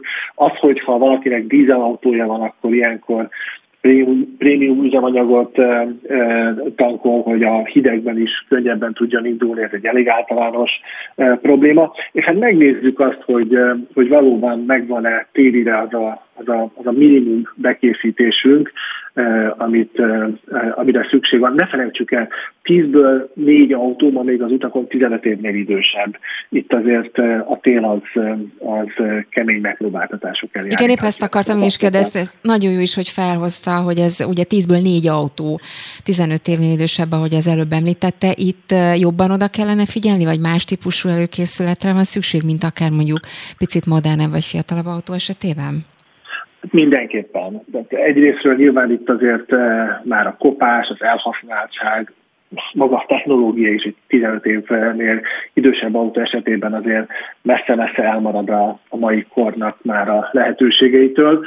Eh, jobban kell rá figyelni, jobban egy kicsit többet kell rá eh, áldozni, előkészíteni arra, hogy valóban, valóban jól bírja a hideget. Itt ne gondoljunk nagy dolgokra. Itt tényleg minden, minden megvan, minden lehetőség arra, hogy ezeket az apróságokat megcsináljuk, mint a, ahogy meséltük, a téli gumi, a szélvédő most, az, hogy fel legyen töltve mondjuk az akkumulátor. Egy régebbi autónál, hát még én magam is emlékszem, hogy, hogy ezzel kapcsolatban a desztillált vizet azt hogyan töltöttük utána az akkumulátornál, ma már egy modern autónál magát megtalálni az akkumulátort is talán nehezebb uh-huh. Ugye sokan felvetették, hogy létezik most már ez a bizonyos négy évszakos gumi, amelyet ugye egyszer kell felrakni, és aztán pár évig így meg lehet spórolni a cseréknek, vagy akár a tárolásnak a gondját, költségét. Ez mennyire elterjedt, és mennyire jó megoldás, hogy látja? egyre elterjedtebb. Én szem, ez, azt gondolom, hogy ez két iskola. Vannak, akik, akik szentségtörésnek tartják a négy évszakos gumit, és, és arra esküsznek, hogy, hogy igenis a, a professzionális téli gumi és a nyári gumi a jó megoldás. Van, aki azt mondja, hogy hát a, ez a technológia ezt a kényelmet tudja szolgálni. Én azt gondolom, hogy, hogy mindenképpen jobb, hogy ha, ha nem akarunk téri és nyári gumival vesződni, vagy ezt kényelmetlenek érezzük, akkor mindenképpen négy évszakos gumit válasszunk ha, aki pedig erre, erre, ebben hisz és tud rádozni, ott a kifejezetten téli az nyilván a, a, a rossz időben, a hóban, a nagy fagyban mindenképpen jobb. Egy az, amit ne csináljunk, a nyári gumit hagyjuk meg télire, mert az elképesztően baleset lesz. Ugye említette ön is, hogy leesett az első hótágna, bár a nagy része igaz, hogy elolvadt már, és ugye itt Magyarországon már nem nagyon szokott lenni azért túl nagy hó, de azért mégis talán érdemes megemlíteni a hólánc kérdését. Ezt egyáltalán mennyire kell mondjuk itt Magyarországon ezzel foglalkozni, de nyilván, hogyha külföldre utazunk, akkor azért erre oda kell figyelni. Hát ugye mindig észreveszünk, amikor itt Magyarországon leesik a hó, akkor, akkor hirtelen majdnem megáll az élet, és arról panaszkodunk, hogy, hogy az utak azok mennyire, mennyire takarítottak, vagy nem takarítottak. Azért ez itthon kevésbé jellemző probléma, és hát sajnos most a pandémia miatt kevesebbet járunk külföldre sielni, de ne felejtsük el, hogy amikor még lehetett, és reményeink szerint azért majd lehet a környező országban sielni menni, ott kötelező, és annyira kötelező, hogy, hogy meg is állíthatnak minket, és be is kell mutatni, hogy rendelkezünk hólánccal. Úgyhogy ezt mindenképpen javaslom, hogy, hogy legyen a csomagtartóba, és hát ha még egy ilyen apró tanácsot adhatnék, annál szörnyűbb, mint amikor szükség van rá, és akkor találkozunk azzal, hogy megoldhatatlan feladat a feltétele, az, az egy nehéz dolog, úgyhogy, úgyhogy lehet, hogy előzetesen érdemes azért elolvasni, hogy valóban, ha probléma van, akkor föl is tudjuk felelni ezt a láncot. Orosz Andrásnak a MOL kiskereskedelmi vezetőjének köszönjük szépen a hasznos tanácsokat, információkat. Viszont állásra Köszönöm, szép napot! Spirit FM 92.9 A nagyváros hangja Szél Bernadett pert nyert Kövér Lászlóval szemben a Strasburgi bíróságon. Szél azután fordult a bírósághoz, hogy a házelnök egy 2015-ös napi rendelőtti felszólalásakor előzetes figyelmeztetés nélkül megvonta tőle a szót, vagyis kikapcsolta a mikrofonját a parlamentben. Az ítélet szerint idézem, így nem állapítható meg, hogy a kérdéses intézkedés megfelelt volna az országgyűlési törvényben előírt eljárásnak, ezen kívül közvetlen cenzúra volt. A telefonnál Szél Szél Bernadett, független országgyűlési képviselő. Így van, jó reggelt kívánok! Jó reggelt kívánok! Ugyan azt mondta ezzel az ítélettel kapcsolatban, hogy akkor innentől kezdve kiderült, hogy a magyar parlament nem demokratikus, mert hogy ez volt az első ilyen ítélet. Ezzel kapcsolatban mi következik ezek után, vagy mi következik ebből? Hát egy olyan országban, ami demokrácia lenne és jogállam, abban a pillanatban távozna a házán a pozícióból, és sűrű elnézést kérne a az, aki kinevezte őt a történtekért. Nyilván Magyarországon én azt látom, hogy a propaganda média ezt teljes mértékben elhallgatta ezt az esetet, tehát jól mutatja az országok megosztottságát, hogy még a szabad médiában bőven volt erről szó, és a közösségi médiában is rengeteg kérdést kaptam és nagyon, nagyon élénken érdeklődtek az emberek, hogy pontosan mi, mi történt, meg, meg miért is jelent ez szintáttörést, addig az ország másik fele, amit a Fidesz urral ez nem hajlandó tudomást venni arról, hogy ugye Lászlóról kiderült az, hogy gyakorlatilag nem házelnök, hanem egy nettó cenzor. Uh-huh. Uh, ugye akkor beszéljük, majd mondjuk már el tényleg a részleteket, mert... Ó, többsz- nagyon szívesen. Többször elhangzott, ugye, hogy egy 2015-ös eseményről van szó, még csak 2021 végén vagyunk, úgyhogy érdemes talán felidézni, illetve nagyon kíváncsi lennék a pontos indoklása, meg egyáltalán a menet, menetrendjére, hogy hogyan jutottunk idáig. Igen, tehát 2015-ben volt valóban, egy napirend előtti tartottam, és a magyar munkavállalók helyzetéről volt szó. Érdekes innen a pandémiából visszatekintve, és egy nagyon sajátos jelzés, hogy Kvér akkor kapcsolta ki a mikrofonomat, amikor pont az egészségügyi dolgozók helyzetéről beszéltem. Talán jobb lett volna, hanem kikapcsolja De mit is mondott pontosan, ami miatt kikapcsolta? A... Ö, két, két dolog lehetett, ugye arról beszéltem, hogy hol ég a ház Magyarországon, és soroltam fel azokat a munkavállalókat, meg a külföldre távozott százezreket, akik, akik effektíve rosszul jártak a Fidesz intézkedéseivel, és a párt, akkori pártársaim egy ilyen kis nem tudom, papírt tartottak a kezükben, és rá volt írva például, hogy kivándorolt százezrek, egészségügyi dolgozók, tehát ilyen különböző ilyen szemléltetés zajlott. Egyébként az akkor még nem volt tilos. Tehát az OGTV-t, az országgyűlés életét szabályozó törvényt, azt 19-ben változtatták talán, akkor vezették be, hogy nem lehet papírt se föltartani. Ami meg nagyon durva volt, hogy Kövér egyre jobban felhúzta magát, és, és akkor, amikor az egészségügyi dolgozókra rátértem volna, akkor kikapcsoltam a mikrofonomat, és ez nagyon durva, hogy, hogy ez megtörtént, de az is, hogy előtte nem figyelmeztetett, és ezzel sérti ő a saját maga által alkotott törvényt, hiszen ha megfigyelik a parlamenti előadásokat, akkor szoktam mondani a házelnök ilyen fenyegetőző, hogy mindjárt kikapcsol a mikrofonját, vagy kénytelen leszek elvenni öntől a szót, vagy hasonló dolgokat mondogatnak onnan a pulpitusról. Ezt azért teszik, mert, mert figyelmeztetni kell, hogy itt a képviselőt, történni fog valami, na hát ő nem figyelmeztetett. Mhm. Egy picit meséljen már magáról a procedúráról, mármint a, a jogi procedúrával. Most nyilván nem a jogi kifejezésekre vagyok kíváncsi, de magára az, hogy az indoklás az konkrétan mi volt, illetve hogyan indok indokolta azt, hogy most innentől kezdve cenzornak lehet hívni Kövér Lászlót, már mint a bíróságos Igen, a hat, hat év telt el, ez azért is fontos, a pandémia nyilván nem segített az ügyön, de hogy de hogy itt tényleg egy olyan helyzet állt fenn, amiben a saját törvényünket is megsértett tehát a saját törvényét is megsértette a, a Kövér László, és egyébként ilyenkor az az elvárás, hogy először minden hazai jogorvoslatot ki kell meríteni. Tehát, tehát, hogyha egy ilyen tapasztalunk, alkotmánybírósághoz kell menni, akiknek ugye jól tudjuk, hogy nincsen határideje, és utána lehet Strasbourghoz fordulni. És Strasbourgban ez egy elég bonyolult eljárás, én ezt fizikailag is ott voltam, van egy nemzeti bíró is a, a, a grémiumban, ez egy háromtagú grémium volt, akik döntöttek, és, és hát ez, a, ez, a, ez az a helyzet, hogy, hogy a Strasbourg leginkább a szó megvonásra érzékeny, mert hogy az ilyen direktben még soha nem írták le, most háromszor is leírták, hogy, hogy, hogy cenzúrát gyakorlott, gyakorlott cenzúrált a, a házelnök, és, és ez elfogadhatatlan, mert hogy, mert hogy különösen védik a képviselők véleményes szabadságát. Tehát ez, ez nagyon mindenkiét, mindenkiét, de az, hogy a nemzeti parlamentben ö, ö, egy ilyen dermesztő hatású eszközt tud, a, alkalmaznak, és ez a dermesztő hatás, ez freezing effekt, ez angolul így hangzik, és ezt azért írták le már korábban is, mert ez alkalmas arra, hogy a képviselőket arra kényszerítse, hogy úgy fogalmazzanak, hogy nehogy a házának elvegye tőlük a szót, és ezáltal megvonja a szabad képviseletnek, meg a szabad véleménynyilvánításnak a nyomát, ha ezen kell erőlködni. Na, ez, ez nem, erre nagyon érzékeny Strasbourg, és, és most is ez történt, hogy, hogy és most, most az a szintátörés, hogy direkt leírták azt háromszor, hogy ez már direkt, ez már, ez már cenzúrázás volt. Ugye ez, ami önnel történt, azóta, már mint 2015 óta azért jó párszor megtörtént már a parlamentben, a legkülönbözőbb ügyekben, a legkülönbözőbb formában, mármint az, hogy kikapcsolták különböző képviselőknek a, a mikrofonját. Ezek szerint minden ilyen alkalommal érdemes lenne Strasbourghoz fordulni, és miért nem teszik akkor ezt meg a képviselők? Én úgy tudom, hogy fordulnak képviselők Strasbourghoz, és elég ö, nagy üzem van ott ezzel kapcsolatban, tehát itt voltak nagyon súlyos fizetés megvonások is, amik ö, teljesen jogtalanok.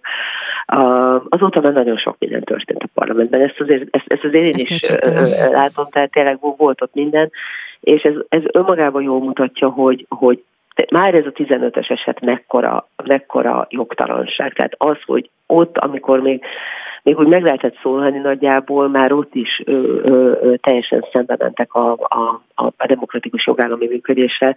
Na most azóta ezek a perek, ha végigmennek, meggyőződésem, hogy nagyon sok nyertes per lesz. Mm. És, és, és ez, ez viszont nagyon fontos, hogy eddig nem szabad volna eljutni, és e, Kövéréknek, Kövér Lászlónak, a Fidesznek, Orbán Viktornak sokkal korábban kellett volna kapcsolnia, hogy, hogy, hogy, hogy elmentek egy olyan irányba, aminek már semmi köze ahhoz, hogy amit jogállamnak nevezünk. Tehát Varga Judit onnantól elkezdve például, hogy Kövér László kimondták az cenzúrázott a magyar parlamentben, egy, egyel kevesebb indoka lesz arra, hogy arról próbáljon beszélni, hogy a közép-kelet-európai államoknak egy sajátos jogállamisága van, ugye erről szokott beszélni, nincs.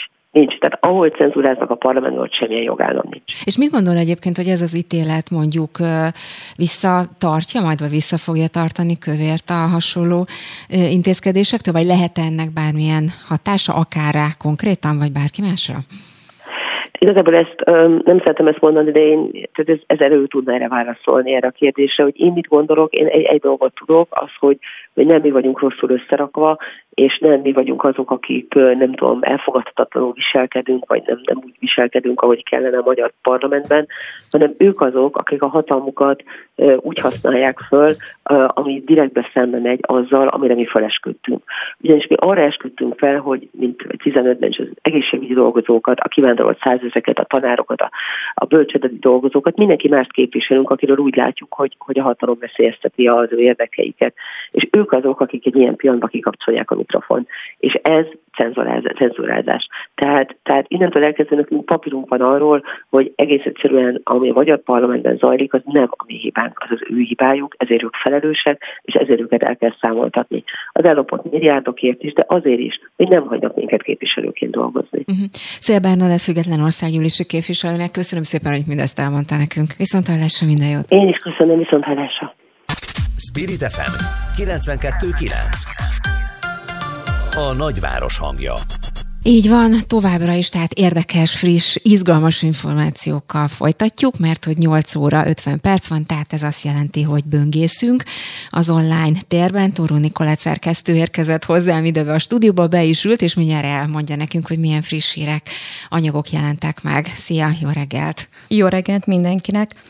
Hát hétvégén tartotta a párbeszéd a kongresszusát, és szombaton döntöttek arról, hogy Karácsony Gergely főpolgármester legyen a párbeszéd lista vezetője. Micsoda meglepetés. Szerintem azért nem biztos, hogy sokan meglepődtünk ezen, de hát legalább ezt is tudjuk. És valószínűleg az sem meglepetés, hogy a főpolgármester nem szeretne a parlamentbe beülni, és továbbá is szeretné vezetni Budapestet. Egyébként a párbeszéd listáján Karácsony Szabó Rebeka, zuglói alpolgármester követi, a harmadik Kocsis Cake Olivio lesz, aki jelenleg is országgyűlési képviselőként dolgozik. Uh-huh. Éppen nézem, most közben itt kinyitottam a népszavát is, egy cikk arról, hogy január 1-től például a vény nélküli készítményeket csak gyógyszerész vagy gyógyszertári szakasszisztens szállíthatja házhoz, és ugye azt írja a népszava, hogy megoldhatatlan a feladat, meg az a címe a cikknek, hogy pofon a patikai innovációnak. Ugye ez csak azért érdekes, mert sokat beszélgettünk ma adásban arról, Covid helyzetről, vagy hogy egyáltalán Abszolút ez mennyire, úgyhogy nagyon érdekes a cikk, csak félig meddig tudtam bele, belenézni, de, de elgondolkoztató, hogy akkor ezt most hogyan tudják majd megoldani. Abszolút. A, egyébként a népszava, népszava még ír arról is, hogy Péterfi Attila ö, biztos, hogy elég sok panasz érkezik. Arról kértek tájékoztatást az újságírók, hogy a pandémia kitörése óta hány járványügyi megkeresést kaptak, illetve milyen tartalmú panaszokról van szó. Ö, egyébként azt írják, hogy nagyságrendekkel kevesebb beadvány érkezett az adatvédelmi hatósághoz, mint az ombudsmani hivatalhoz, de a járványal összefüggésbe hozható panaszok száma így is is meghaladja a kétszázat, tudta meg a népszava. Uh-huh.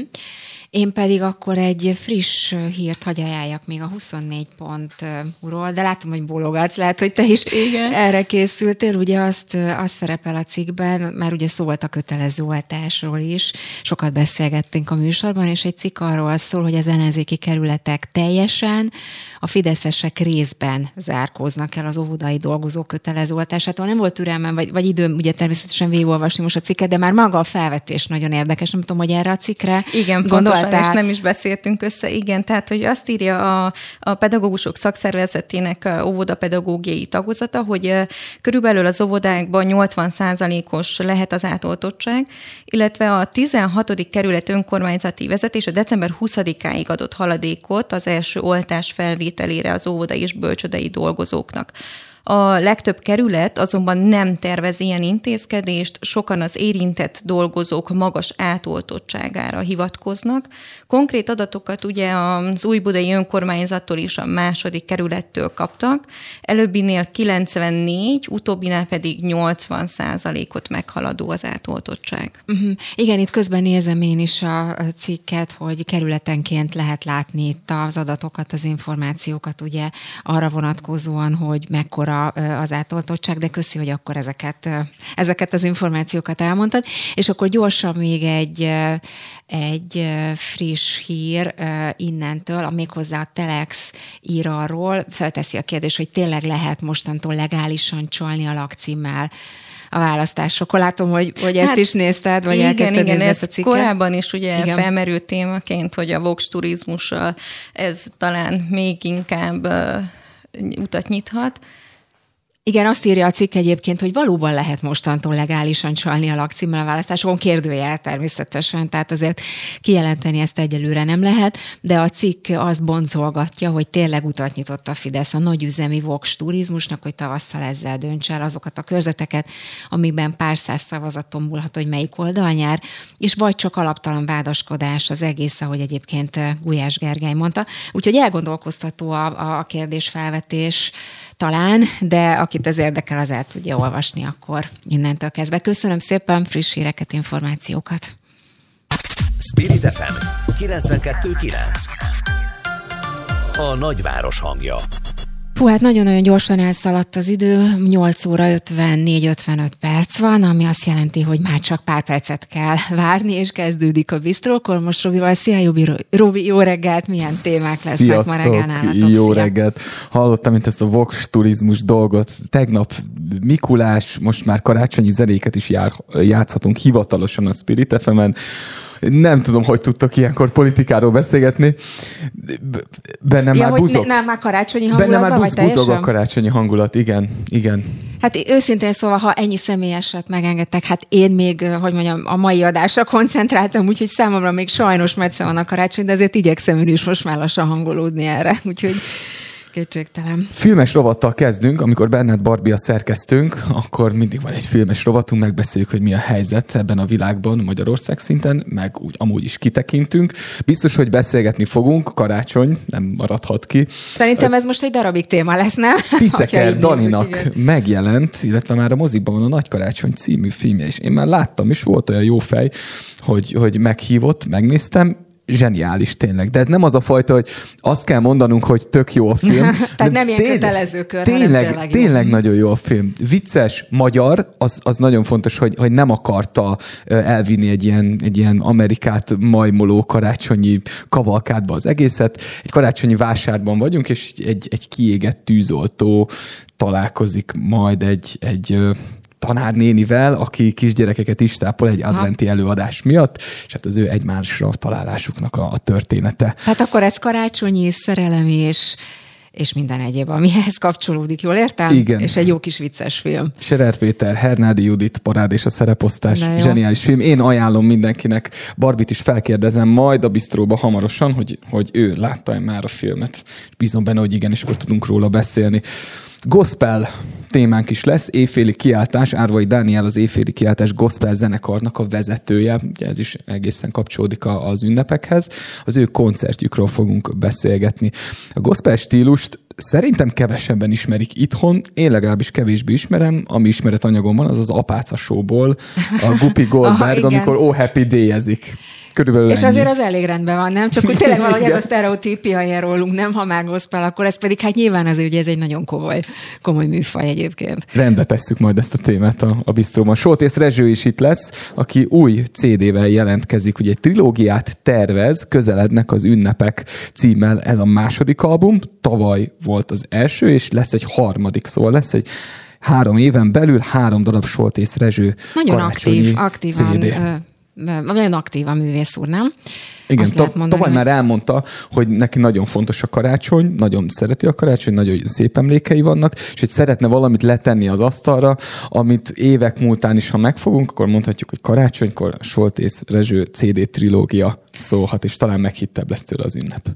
Hát azt gondolom, hogy gazdag kínálat lesz megint a bistróban, mint mindig. Ugye, Robi, akkor ezt szerintem elmondhatjuk, úgyhogy mindenkinek, vagy akartál még esetleg valamit mondani, mert láttam, hogy a papírodon van még, ha gyorsan, még van egy pár másodpercünk. Csak nagyon gyorsan, Danis Lídia lesz velünk a bistró arcokban, ugye ez mindig egy hosszabb ja, beszélgetés, igen. Mhm. portré beszélgetés keretében 20 percet tudunk dumálni Lídiával. Covidos volt, most már jobban van, megkérdezzük, hogy mi a helyzet, és beszélgetünk vele. Fú, de klassz lesz, akkor tényleg mindenkinek ajánlom, hogy maradjon velünk 9 órától, tehát bistró, Kormos Robival.